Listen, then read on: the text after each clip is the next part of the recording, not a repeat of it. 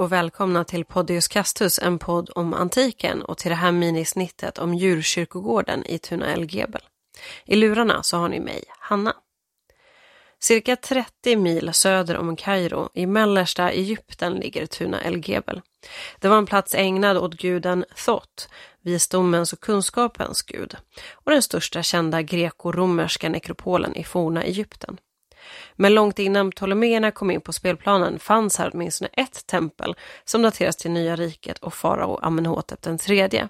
Och vill ni ha det i årtal så regerade han mellan 1388 och 1350 eller 51 före vår tideräkning. Men vi kommer att röra oss längre fram i tiden. Tuna El Gebel var nekropolen till den närliggande staden Chemenu, eller idag ofta känd under sitt grekiska namn Hermopolis Magna. Den här nekropolen är inte den enda djurnekropolen i forna Egypten, men det är den största med miljoner av balsamerade djur. Men varför ha en djurnekropol? Ja, det finns inget helt klart och tydligt svar på den frågan, utan det är fortfarande något som forskare jobbar på idag.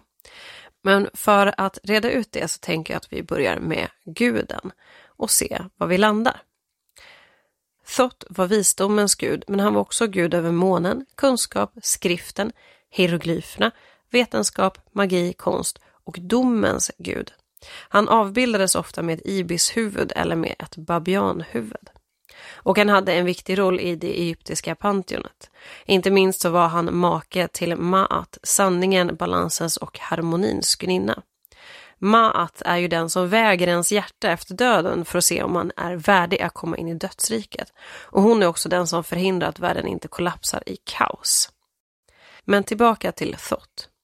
Vi ska inte gå in på allt som han gjorde enligt mytologin, men vi kan nämna att han var den som gav gudinnan Isis de magiska orden hon behövde för att kunna pussla ihop sin styckade make och på så vis bli gravid med honom och föda guden Horus.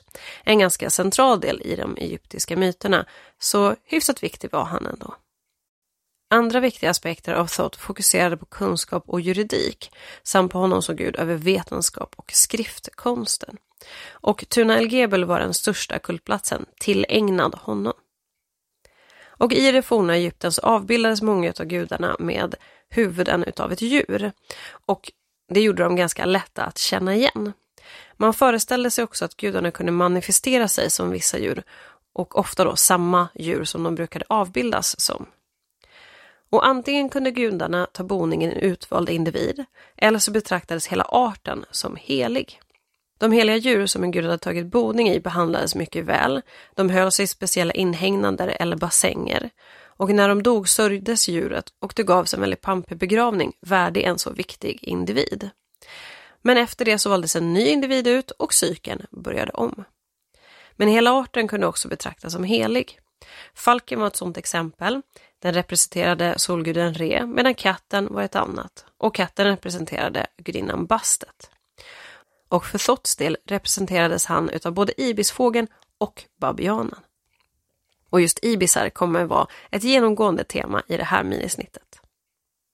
Men djurkulter fanns under hela den faraoniska perioden, alltså tusentals år, men det fick ett extra uppsving under sentiden och detsamma gäller också för nekropolen i Tuna El Gebel. Och då rör vi oss alltså från den 26 dynastin och framåt. Under den tidiga perioden är det främst de här djurmumierna som dominerar i den här nekropolen, med stor tonvikt just på ibisfåglar och babianer. Men längre fram under Ptolemeerna och även under romersk tid utökades användandet av nekropolen och fler människor begravdes här. Men vi ska just fokusera på djuren i det här minisnittet. Om vi tar oss till platsen så består den här nekropolen utav ett nätverk av gångar och från de här spretar ut sidogångar. Och tillsammans sträcker sig de här gångarna över hundratals meter. Och på platsen finns också såklart gravar och tempel och flera av de här är riktigt vackert bemålade. Men nere i de här gångarna de som vi ska fokusera på så har man uppskattat att det fanns miljoner djur och över en miljon var bara ibisfåglar. Och de här fåglarna står för mer än 80 procent av de balsamerade djuren eh, som man har funnit, alltså enligt de siffrorna man har i dagsläget. Men man har hittat många olika typer av djur. Till exempel så har man hittat tama djur som hundar, nötkreatur, katter och får. Men också vilda djur som näbbmöss, gaseller, krokodiler, ormar och många olika typer av fåglar och apor. Salima Ikram, professor i egyptologi, har definierat fyra typer utav djurmumier. Den första typen var älskade husdjur som efter sin död balsamerades och begravdes. Hade djuret dött nära inpå sin ägares död kunde de få följa med i ägarens grav. Men dog de efter sin ägare kunde de begravas strax utanför gravkammaren eller vid gravtemplet. Ett exempel är Senenmut. Han var högt uppsatt under farao Hatshepsut och verkar ha varit väldigt förtjust i sina husdjur, en apa och en häst. De levde längre än honom själv men gravsattes utanför ingången till hans grav efter att de hade dött en naturlig död. Ett tydligt tecken på att de ändå var viktiga. Den andra typen av djurmumie var den typen som placerades hela eller i delar i en grav och de här var ju då tänkta som mat åt den avlidne. Den tredje typen var heliga djur, sådana som jag har nämnt tidigare. Och den fjärde typen var djur som offrades åt gudarna som votivgåvor. Den här Sista gruppen är den absolut största bland djurmumierna. Och själva balsameringsprocessen för ett djur liknade den för människor. Och vill ni höra mer om det lite ingående så har vi ett helt avsnitt om just mumier där vi går in på det lite mer i detalj. Men för djuren så var den här processen något modifierad och ofta lite kortare eftersom att djur tenderar att vara lite mindre. Det beror lite på vilket djur det är men i alla fall kring fåglar och hundar och katter så är de ju betydligt mindre än oss människor. Många gånger så brydde man sig inte heller om att ta ut inälvorna ur djuren. Och även om man nu faktiskt gjorde det så fick de inte alltid följa med djuret efter balsameringen, så som man gjorde med en människas inre organ.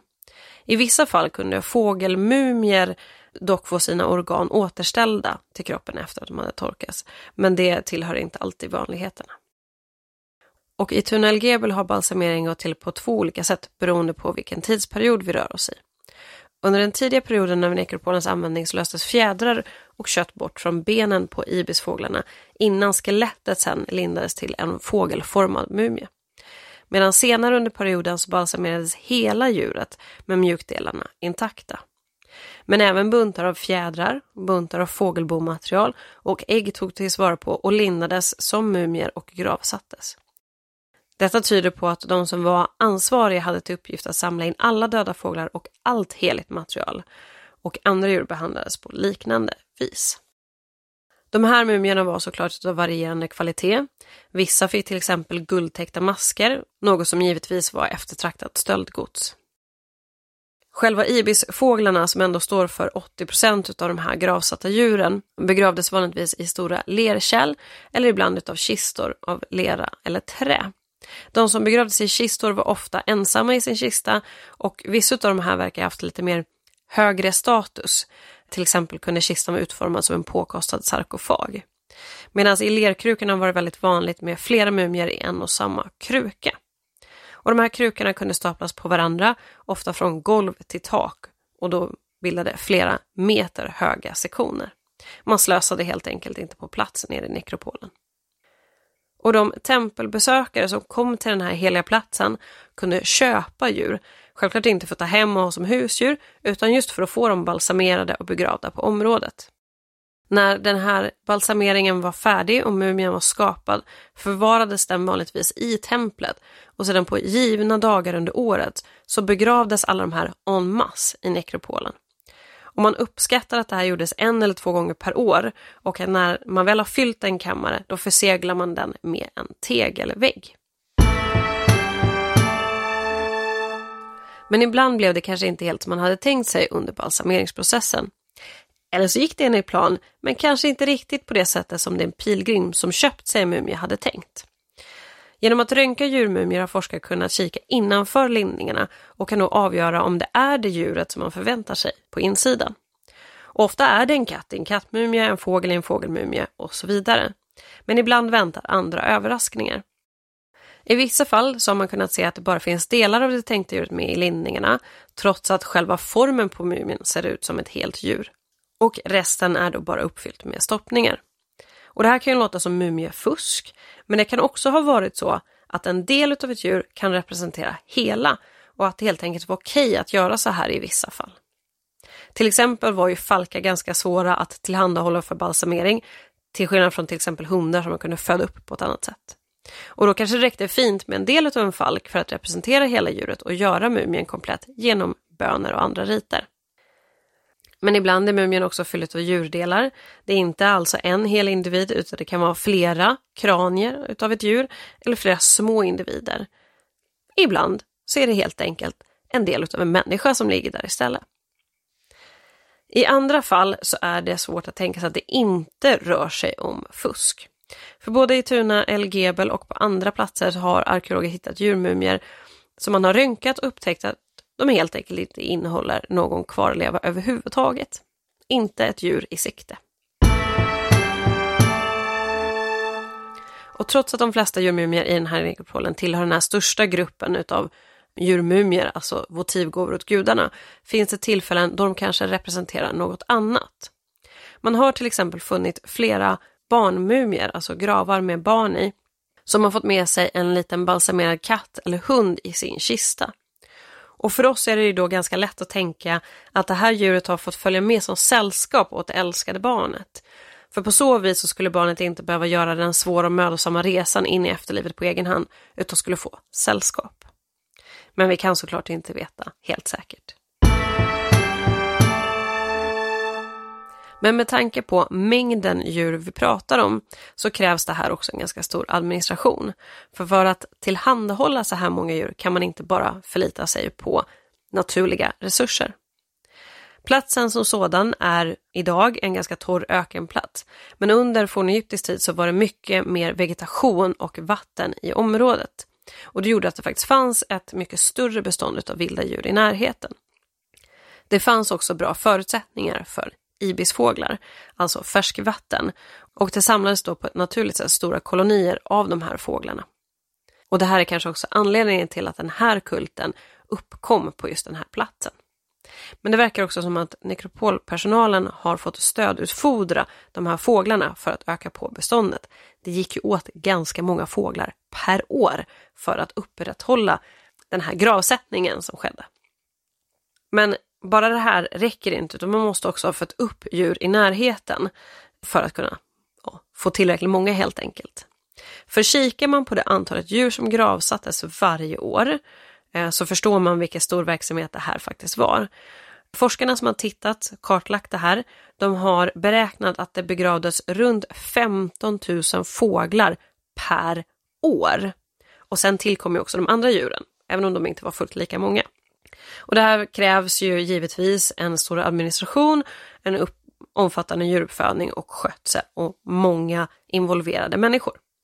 Och tanken var ju att de här djuren skulle skötas väl och ansvaret låg ofta på prästerskapet och andra eh, invigda.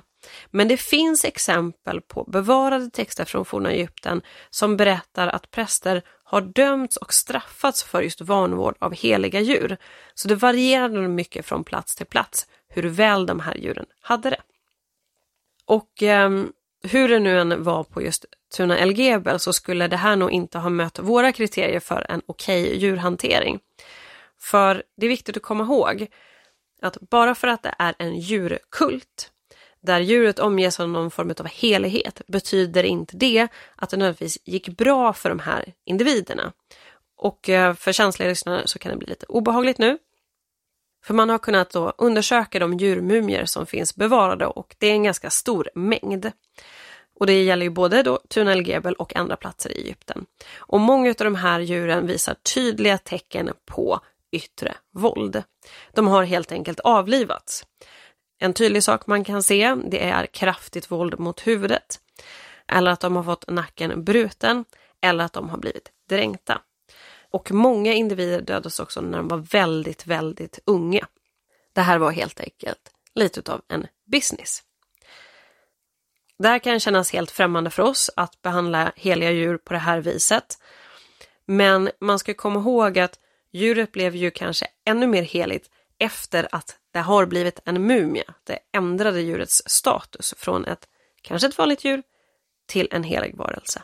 Och tanken var ju också att djuret skulle föra ens talan med guden.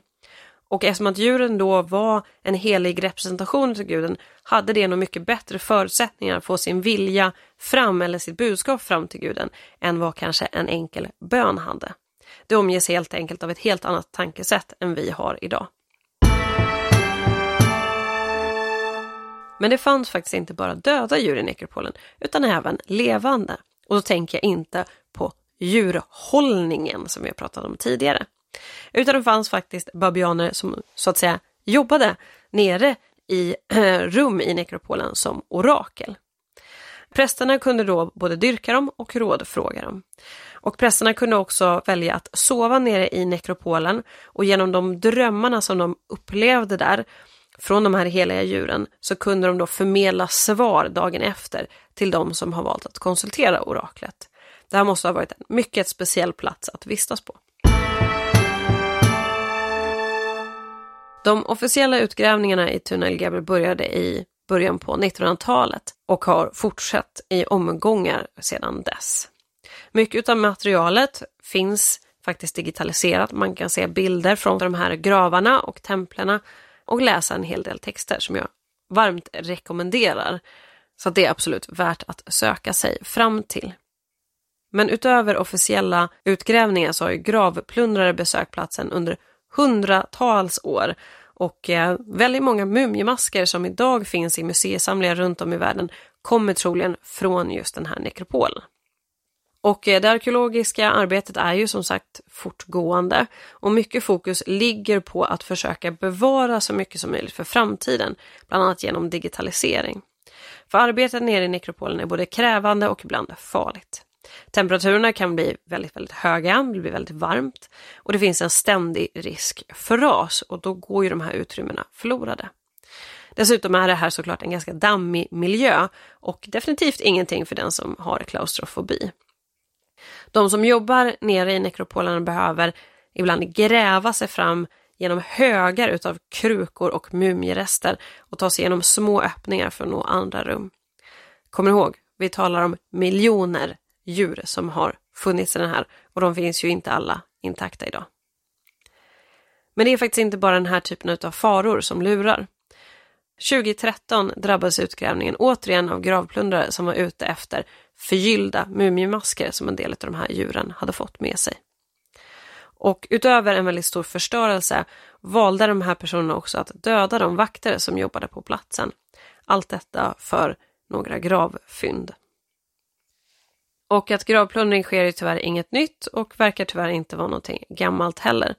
I många fall så ställer de endast till stor skada på den kulturhistoriska kontexten och fynden. Till exempel eh, genom några som hade tagit sig in i Tuna Gebel som valde att försöka tutta eld på platsen för att röja sina spår.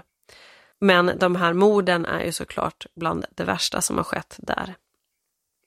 Och trots att de här utgrävningarna pågått i perioder sedan tidigt 1900-tal och pågår än idag så finns det mycket kvar att göra. Man vet fortfarande inte om man har hittat alla sidoingångar och nya service som har gjorts över den här ganska stora ytan tyder på att bara runt 10% av den totala sajten har grävts ur. Så framtiden kommer förhoppningsvis bjuda på fler djurmumier och ännu mer kunskap om hur den här platsen fungerade som en arbetsplats, som en miljö att bo på och leva i och hur det dagliga livet såg ut. Och det här var allt för idag. Det här var ett litet smakprov på en djurkyrkogård och Tuna El Gebel. Har du frågor eller funderingar så kan du alltid nå oss. Vi finns både på Instagram och Facebook och på vår mejladress podiuskastus.gmail.com. Och är du mumieintresserad så har jag en väldigt god nyhet för dig. För den 25 oktober i år kommer vi att livepodda på Sörmlands museum i Nyköping och då kommer vi prata om mumier och mumien som tog sig hela vägen till Sörmland. Jag hoppas att vi ses där. Men med det får jag säga tack för idag och på återhörande.